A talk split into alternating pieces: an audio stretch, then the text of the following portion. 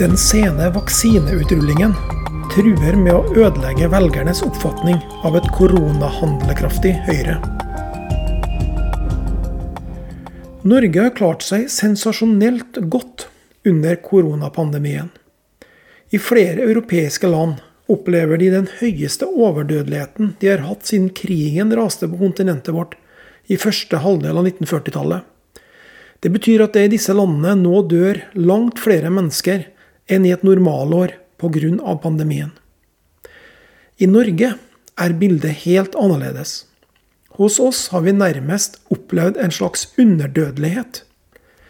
Det har nemlig dødd 1,4% færre mennesker i Norge siste år enn det vanligvis gjør. Hvert eneste av de over 500 koronadødsfallene her i landet er selvfølgelig en tragedie. Men stort fokus på hygiene og smittevern har altså samtidig medført at en rekke liv har blitt spart fordi vi har unngått andre sykdommer, f.eks. den årvisse influensaepidemien. Årsakene til Norges positive særstilling er mange. Det kan f.eks. pekes på den høye graden av tillit som eksisterer i befolkningen. Nordmenn følger i stor grad de påleggene myndighetene gir oss. Og de fleste har tiltro til at også andre samfunnsborgere vil gjøre det samme. Det skaper en solidaritetsfølelse i befolkningen som er svært verdifull når bekjempelsen av en pandemi krever betydelige offer fra oss alle. Slike modeller forklarer imidlertid ikke alt. For naboen vår, Sverige, er jo et land med en samfunnsmodell som ligner svært mye på vår. Likevel har de ti ganger så mange døde som oss, målt etter folketall.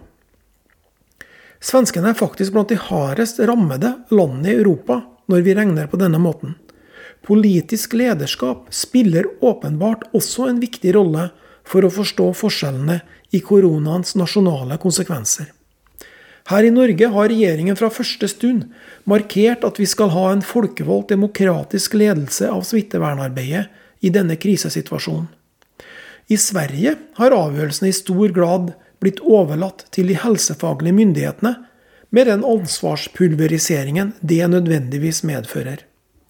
Hos oss har velgerne hittil belønnet den politiske ansvarligheten, handlekraften og åpenheten som særlig Høyre har vist i koronaperioden. Da pandemien for alvor dukket opp på våre breddegrader tidlig på vårparten i fjor, fikk partiet ganske umiddelbart et solid koronatillegg på meningsmålingene. Den effekten har i det store og hele holdt seg helt til nå. Pandemibekjempelsen vil helt sikkert bli en viktig sak også i stortingsvalgkampen som kommer senere i år. I så måte bør de vaksineringsproblemene som landet nå opplever, skape bekymring i Høyres hus. For på dette området er ikke Norge lenger best i klassen. Her ligner vi stadig mer på en dumpekandidat. Land vi ellers liker å sammenligne oss med, har kommet mye lenger enn oss i arbeidet med å få gitt befolkningen de to stikkene som skal gjøre oss immune mot den potensielt dødelige sykdommen.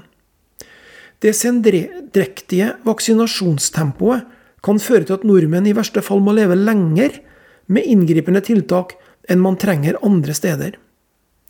Erna Solbergs regjering har vist godt politisk lederskap gjennom nesten ett år med koronakrise. Nå står de i fare for å snuble på oppløpssiden.